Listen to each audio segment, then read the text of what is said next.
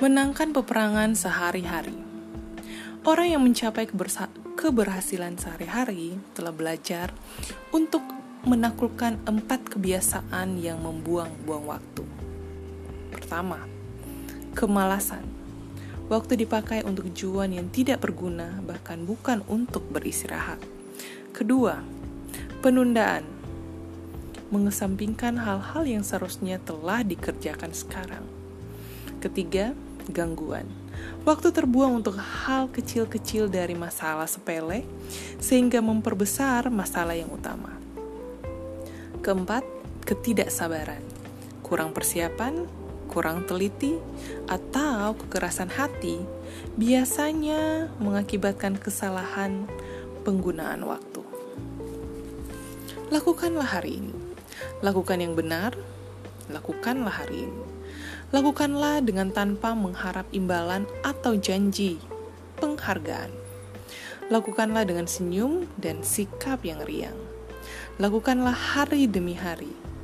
Lakukanlah dan suatu hari akan datang suatu hari yang akan menjadi hari pembalasan untuk semua hari-hari kemarin.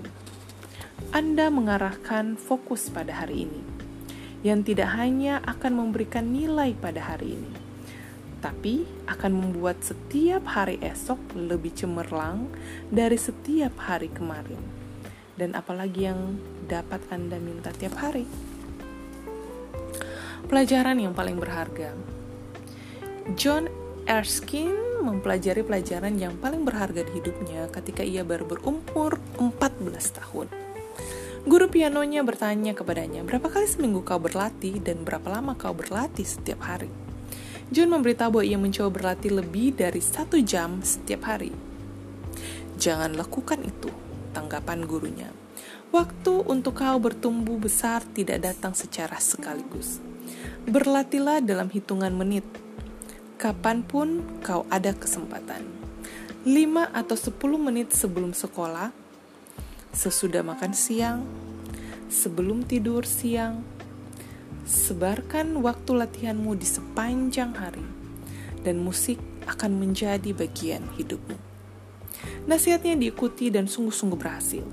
Erskine menjadi pemain piano orkestra yang tampil bersama di New York Philharmonic dan berikutnya ia menjadi direktur utama dari Sekolah Musik Juilliard dan ketua Asosiasi Air Opera Metropolitan.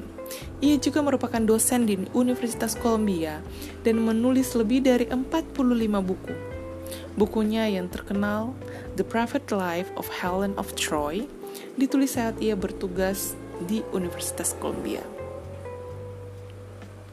8P yang menentukan kesuksesan.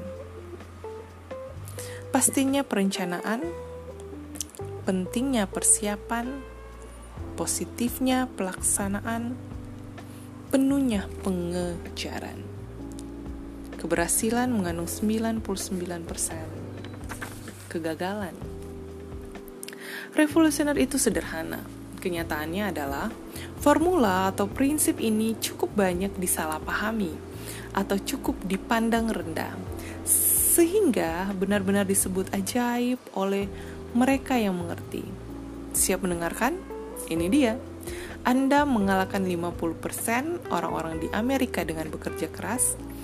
Anda mengalahkan lagi 40% dengan menjadi seorang yang jujur dan berintegritas dan penuh dengan prinsip. 10% terakhir adalah melalui perdebatan di perusahaan yang liberal. Seseorang yang sukses adalah orang yang memutuskan untuk sukses dan mengerjakannya. Seseorang yang gagal adalah orang yang memutuskan untuk sukses dan mengharapkannya. Seseorang yang memutuskan untuk gagal adalah orang yang gagal untuk memutuskan dan menunggu. Jauh lebih baik berani menghadapi hal-hal yang besar untuk memenangkan kemenangan yang agung. Walaupun berganti-ganti dengan kegagalan daripada bergabung dengan mereka yang miskin semangat, yang hidupnya tidak bahagia, maupun tidak menderita karena mereka hidup dalam senja kala kelabu yang tidak mengenal menang atau kalah. thank you